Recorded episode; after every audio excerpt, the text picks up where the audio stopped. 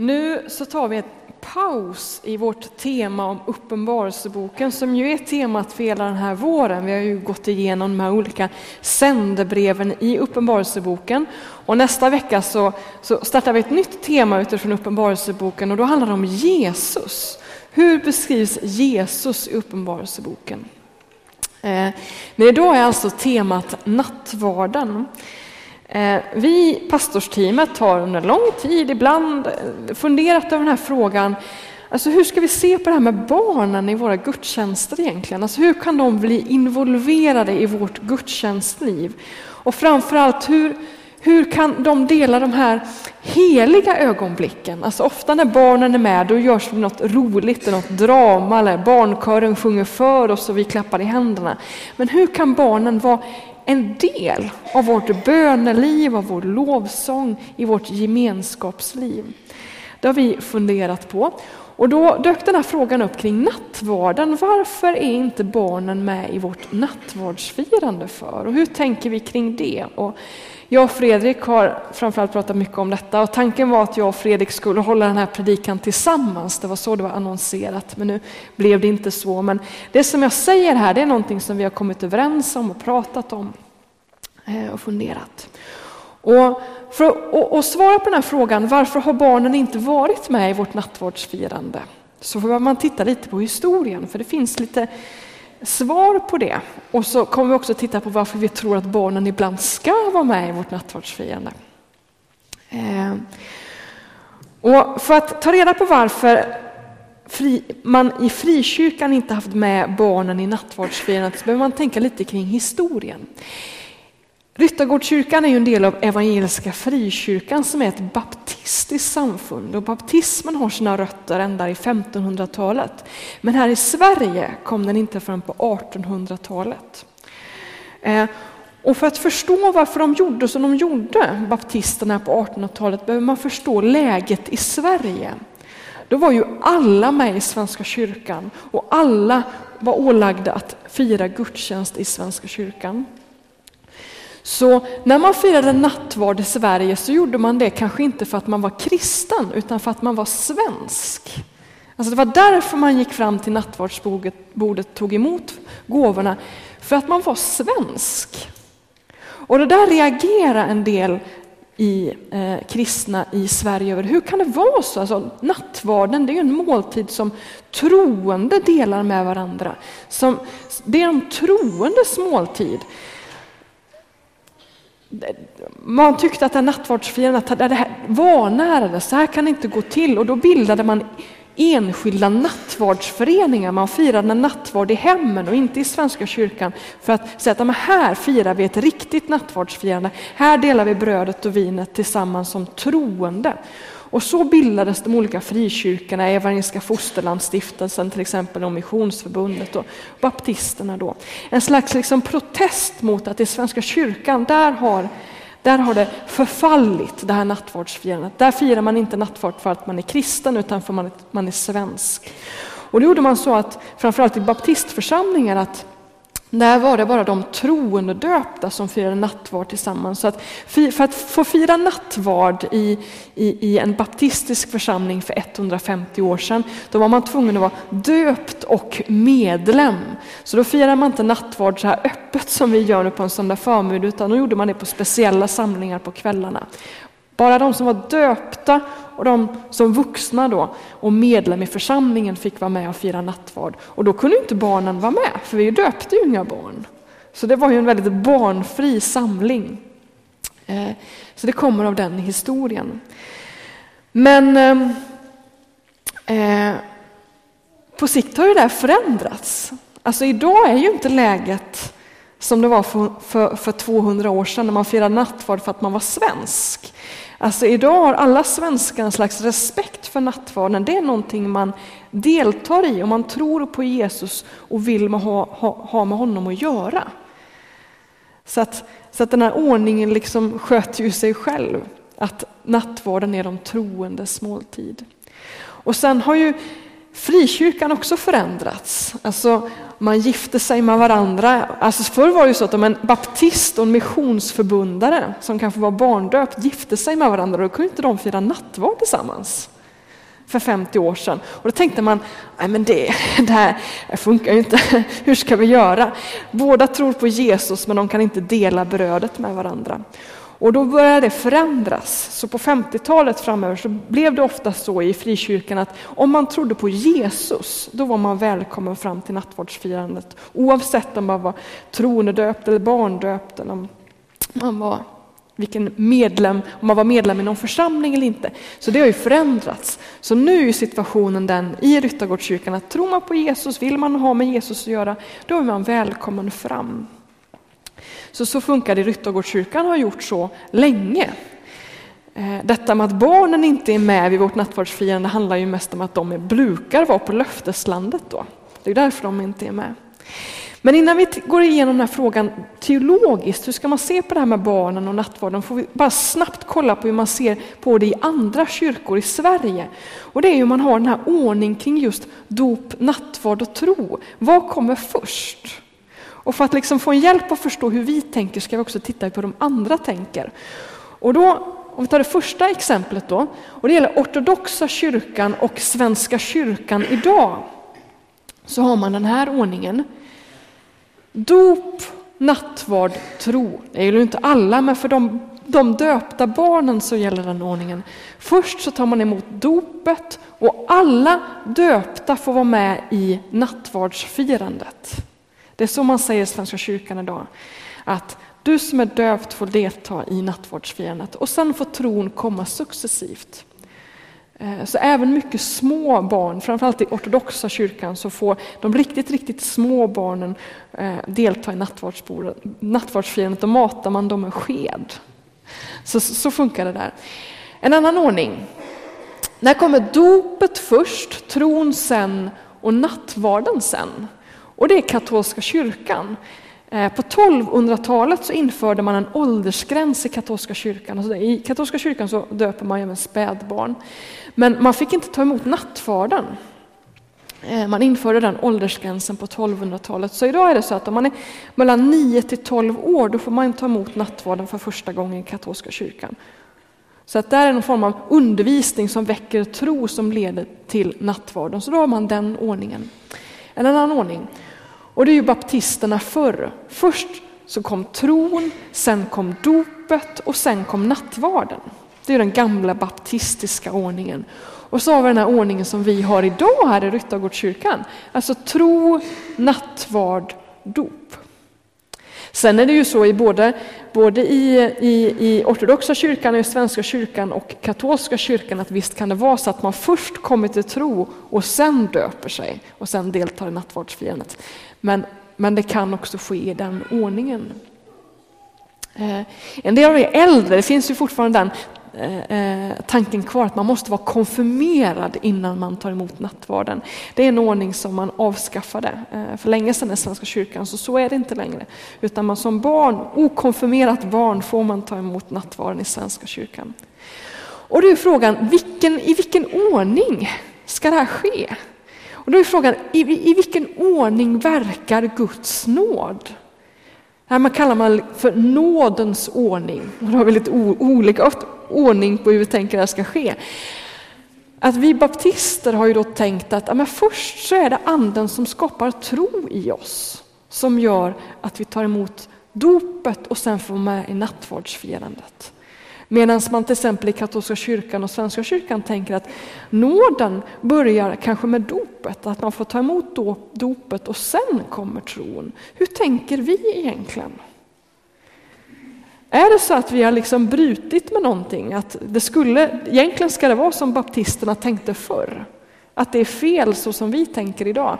Att tron kommer först, nattvarden sen och dopet sen. Och då får man ju gå till Bibeln och se men vilken ordning sker de här olika sakerna. Eh, och då tror ju vi som i Ryttargårdskyrkan som en del av Engelska frikyrkan som är ett baptistiskt samfund att ja, tron föregår dopet. Vi tycker att det finns tydliga eh, ledtrådar i skriften som talar om det. att Tron föregår dopet. Och sen är frågan, när i den ordningen kommer då nattvarden? När är man redo för att ta emot nattvarden? Vad krävs egentligen? Och då när jag och Fredrik tittar i Bibeln så alltså det finns inte jättetydliga bibelord om det. Det finns några ledtrådar, vi ska titta på dem sen. Men då får vi gå till vår erfarenhet. Både jag och Fredrik har tagit emot nattvarden som odöpta och har gjort starka erfarenheter av det. Alltså det, har varit, det har varit erfarenheter som, där, vi får, där vi fick möta Kristus som gjorde att vi tog steget att sen låta döpa oss. Och jag tror att många ungdomar och barn har gjort den erfarenheten att man fått ta emot nattvarden och gjort starka möten med Kristus som gjort att man senare tar steget in i dopet. Och just detta att, att, att det här får vara en process. Alltså förr kanske tänkte man att det här tog väldigt Först kom man till tro och så döptes man tre dagar senare och så tog man natt, mot nattvarden. Alltså, det där gick väldigt snabbt. Idag ser vi ju till exempel i Alfa eller i vårt evangelisationsarbete att det här med tron, det är någonting som får ta tid. Det är inte så att man kommer till Alfa här så är man med om första lektionen och så får man höra om vem Jesus är och så säger man jag vill döpa mig och så är man framme där. Utan det är en process, det kan ta flera år innan man tar det steget. Och då tror vi att nattvarden kan vara ett, ett viktigt delsteg mot dopet. Det kan vara en slags första överlåtelse när man säger jag vill ha med dig att göra Jesus. Kan det vara så? Att tron får spira och så får man vara med i nattvardsfirandet och så styrker det tron så att man till sist vågar ta steget i dopet. Och jag tror att vi, att vi vågar göra så idag, för att läget är ett annorlunda än vad det var i Sverige för 200 år sedan när frikyrkan startade och vi tänkte att ah, folk tar emot nattvarden alldeles för lättvindigt. De tror ju inte ens på Jesus och så går de fram här. När jag, jag, för några år sedan så var jag på min eh, kusins konfirmation. Eh, och, eh, då var det ju nattvard där och jag satt uppe på läktaren, jag och min pappa. Och så kom då tillfället i den här konfirmationsgudstjänsten då, då prästen inbjöd alla att komma och ta emot av nattvarden. Och då var det en bredvid mig och pappa som sa, börja skratta sa, får vi se hur många som kommer fram. Alltså man satt där på läktaren och skrattade åt det här nattvardsfirandet och sa att det är ingen som kommer komma fram för det är ingen som tror på Jesus. Alltså det var så man sa på den här läktaren. Så nu var det faktiskt en del som gick fram, vilket jag var glad för. Och, det kändes stort att faktiskt gå, ställa sig upp och gå ner för den här gången och ta emot nattvarden i åsyn av alla de som satt och häcklade på läktaren. Alltså det är situationen idag. Att ta emot nattvarden det är liksom ett trosteg. Jag bekänner färg. Jag tror på det här helt märkliga att Jesus säger kom och ta emot mig. Detta är mitt kött och mitt blod. Det är något oerhört radikalt idag. Så jag tror inte vi behöver vara rädda för att människor tar emot nattvarden för lättvindligt. Det är inte vårt problem, utan man har en Antingen har man så stor respekt för det så att man inte vågar gå fram eller så tycker man att det här är alldeles för kristet, det där kan inte jag delta i. Läget är, ett annorlunda, är annorlunda och därför tror jag på just den ordningen, tro, nattvard, dop. För att ta emot nattvarden det är ett stort steg och människor kommer ta det när man är mogen. Vi behöver liksom inte stå där med en slags stoppskylt, du är inte döpt. Utan jag tror att det är ett sätt som anden verkar i en människa. Att han lockar henne fram till nattvarden. Och då är tillbaka till barnen. Hur ser vi på dem i vår, vårt gudstjänstliv? Vi säger ju i, i barnvälsignelsen att när vi ber för barnen så säger vi att vi gör det för att vi vill liksom ta vårt ansvar. Vi vill säga vårt ja till att hjälpa de här barnen till en personlig tro. Vi vill hjälpa de här barnen att, att, att kunna tro på Jesus och sen låta döpa sig. Och där har vi ju ett ansvar som vi säger ja till när vi har barnvälsignelse. Och hur gör vi det? Hur ser vi på barnen? Tillbaka till det som jag sa i inledningen. I början när vi lät barnkören vara med och leda vår lovsång så vet jag att ni blev lite förvirrade. Ni visste inte riktigt om ni skulle sitta och titta och lyssna eller stå upp och sjunga, om ni skulle klappa eller inte. Och det avslöjar oss att vi inte kan se att barnen kan leda vår lovsång, utan när barnen deltar, det är någonting som vi måste klappa till? Alltså hur ser vi på barnen då? De blir slags liksom, djur i bur, någonting man tittar på och pekar. Vad är det för syn egentligen? Vad tror vi om, om barn och tro egentligen? När Jesus säger att de är förebilder. Hur tänker vi där egentligen?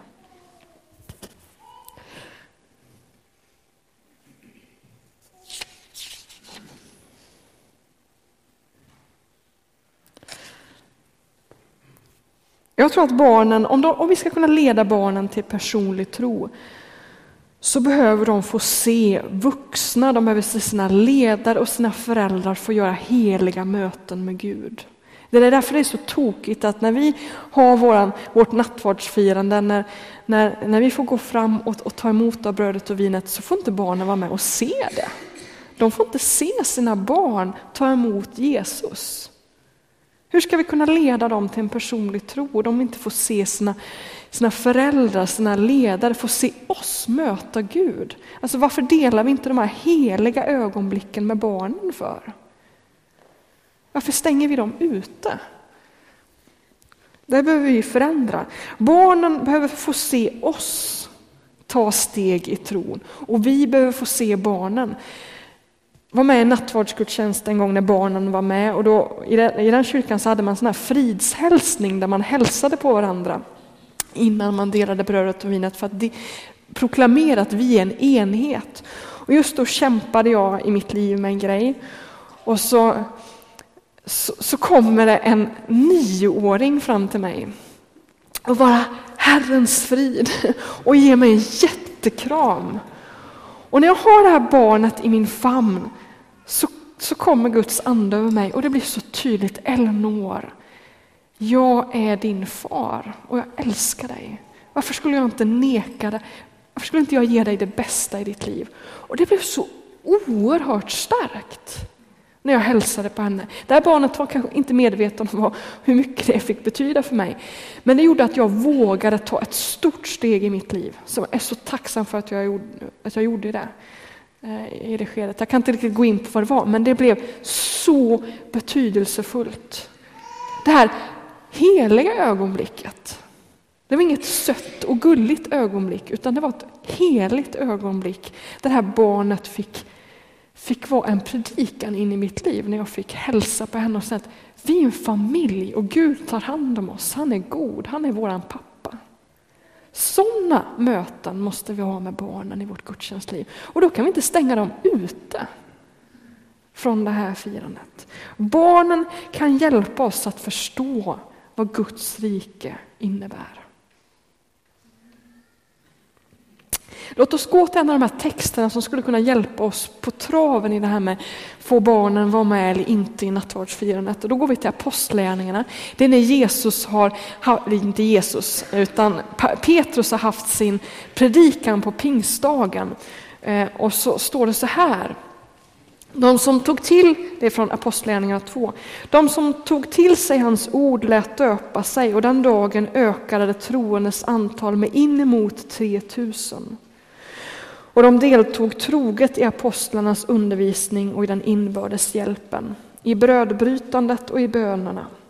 Alla människor bävade, många under och tecken gjordes genom apostlarna. De troende fortsatte att samlas och hade allting gemensamt. De sålde allt vad de ägde och hade och delade ut åt alla efter vars och ens behov. De höll samman och möttes varje dag troget i templet templet och i hemmen bröt de brödet och höll måltid med varandra i jublande uppriktig glädje. De prisade Gud och var omtyckta av hela folket och Herren lät var dag nya människor bli frälsta och förena sig med dem. Alltså här berättas det om den första församlingen och där kan vi ju läsa detta, tron föregår dopet. De som, de som hade tagit till sig hans ord lät döpa sig. Och så ökade församlingen med, med flera tusen. Så tron föregick dopet och att de så tydligt delar livet med varandra. Det är det som är så fantastiskt i den här texten. De studerar eh, vad det innebär att vara en lärjunge tillsammans. De delar undervisningen, de delar bönerna, de delar ett gudstjänstliv. De hjälper varandra, de har allting gemensamt. De möts i templet och i hemmen och bryter brödet. De var i hemmen och bröt brödet. Det här var ju på, en dag, på den tiden då, då det inte fanns tv-spel eller tv-apparater som man kunde sätta barnen framför och det fanns inga dagis. Klart att barnen var med där. Vad gjorde man av dem annars? Man hade heller inga sjurumsvillor. Klart att barnen var med när de bröt brödet. Tror ni inte det?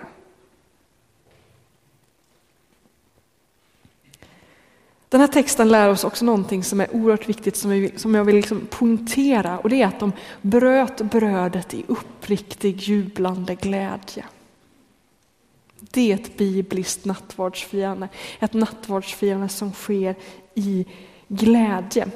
Du som, som kollar på vår blogg har sett att vi la ut ett blogginlägg inför den här gudstjänsten och det var en lapp som vi gav till alla föräldrar så att de var förberedda på detta och kunde berätta om den här gudstjänsten för sina barn hemma. Och då hade vi den frågan, liksom, men, men tänk om barnen låter för mycket i vårt nattvardsfirande, hur ska det gå till?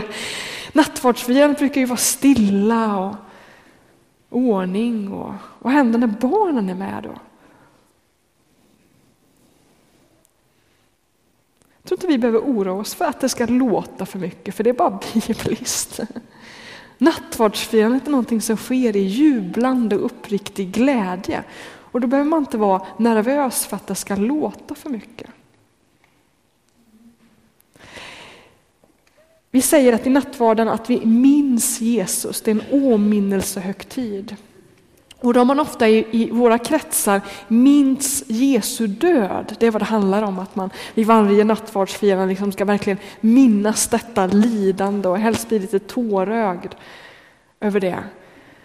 Och det, det är bra. Alltså det, vi ska minnas Jesu död och det är någonting stort i det och det är någonting som ger oss mycket. Men det är inte bara Jesu död vi ska minnas. När Jesus instiftar nattvarden så säger han så här, gör detta till minne av mig. Han säger inte, gör det här till minne av min död. Utan han säger så här, gör det till minne av mig. Så det vi gör i nattvarden, det är att vi minns hela Jesu liv. Vi minns det som hände i Betlehem. Vi minns det som hände när Jesus var 12 år i templet. Vi minns det som hände när Jesus döptes, när han frestades i öknen, när han gjorde alla under, när han undervisade, när han dog och uppstod och ska komma tillbaka. Allt det här minns vi. Allt detta minns vi. Vi minns att Jesus har uppstått och det är en glädje i det. Att han har blivit livets bröd för oss, att vi ska få delta den här, i den här måltiden i himlen. Så därför firar vi nattvard sedan två år tillbaka, både på skärtorsdagen och på påskdagen i, vår, i vårt påskfirande. För i nattvarden minns vi hela Jesu liv. Hela Jesu liv. Det är ett bibliskt nattvardsfirande. Och framförallt det här med tacksägelsen och glädjen behöver vi få, få tag i. Eh, det teologiska namnet för nattvarden internationellt det är eukaristi. En del tror att det är bara katolikerna som kallar nattvarden för eukaristi, men det är inte sant. Det är en teologisk term som kom väldigt tidigt i kyrkan och den finns i Bibeln. Eukaristi betyder tacksägelse och det kommer från Matteus bland annat. Vi läser från Matteus Eh, kapitel 26. Och det är när Jesus instiftar nattvarden. Vi brukar oftast läsa från första Korintierbreven i våra instiftelseord. Men så här står det i Matteus. Eh, medan de åt tog Jesus ett bröd och efter att ha läst tackbönen, står det där, eukaristin. Efter att ha läst tackbönen bröt han det och gav åt sina lärjungar och sa, tag och ät, detta är min kropp. Och han tog en bägare, efter att ha tackat Gud gav han den åt dem och sa, drick av den alla. Detta är mitt blod, förbundsblodet som blir utgjutet för många till syndernas förlåtelse. Alltså det Jesus gör är att han tackar Gud när han instiftar nattvardsfirandet. Nattvarden kommer ur den judiska påskmåltiden. Det var det som Jesus firade här med sina lärjungar, en påskmåltid.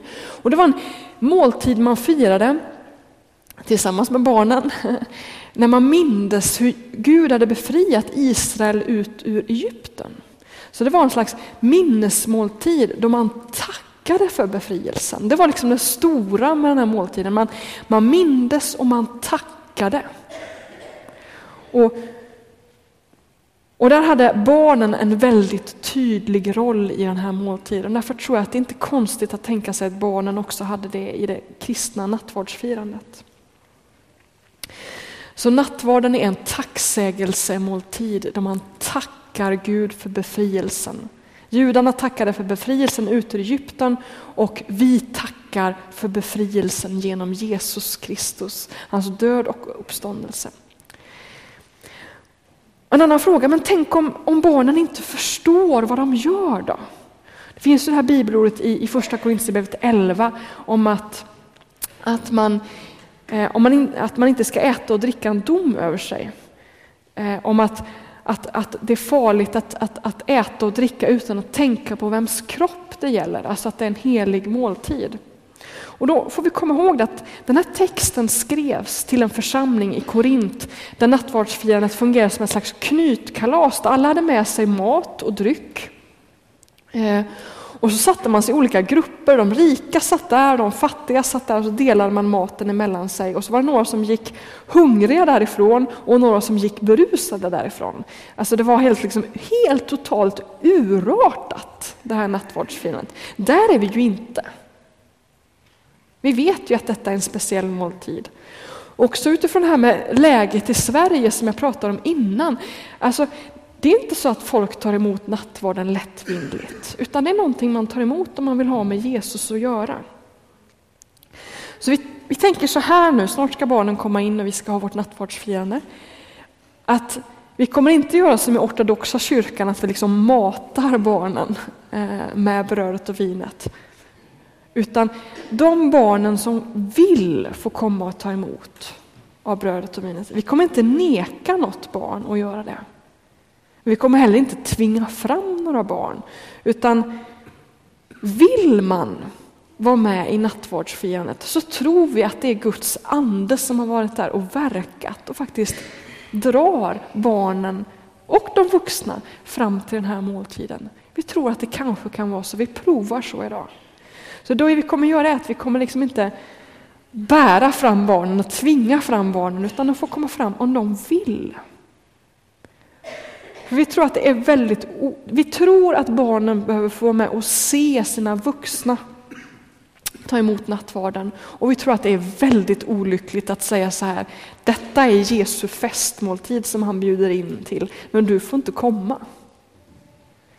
Det är ju många som har växt upp i frikyrkan under den här perioden då man bara som döpt och medlem fick ta emot nattvarden och som haft negativa upplevelser av det, att inte få vara med.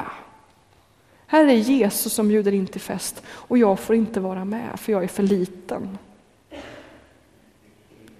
Låt oss på prov testa detta idag och så får vi se vad, vad det blir av det här. Och så får ni komma med respons. Och, tänka, och framförallt den här frågan, hur tänker vi kring barnen? Låt oss till sist läsa den här texten som vi alltid läser när det är barnvälsignelse från Markus evangeliet.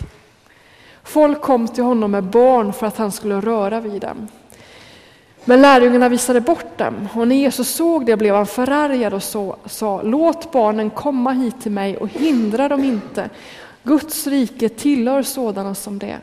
Sannerligen den som inte tar emot Guds rike som ett barn kommer aldrig dit in.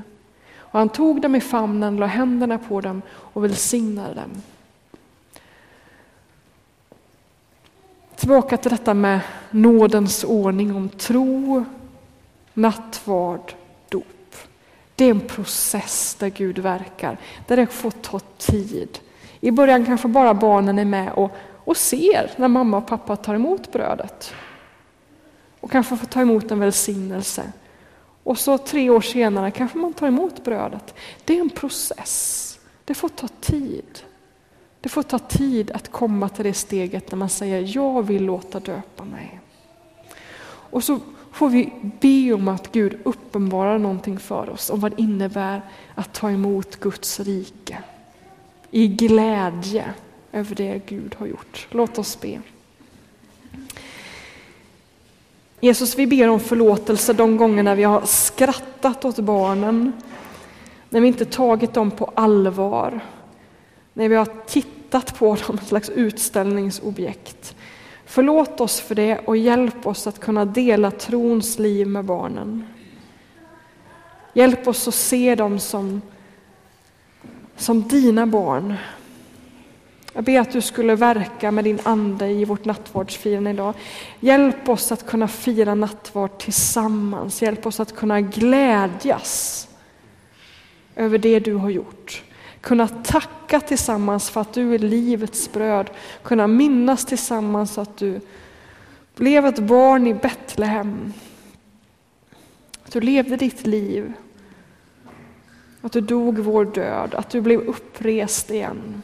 Att du lever och att vi ska få dela den här måltiden i himlen med varandra.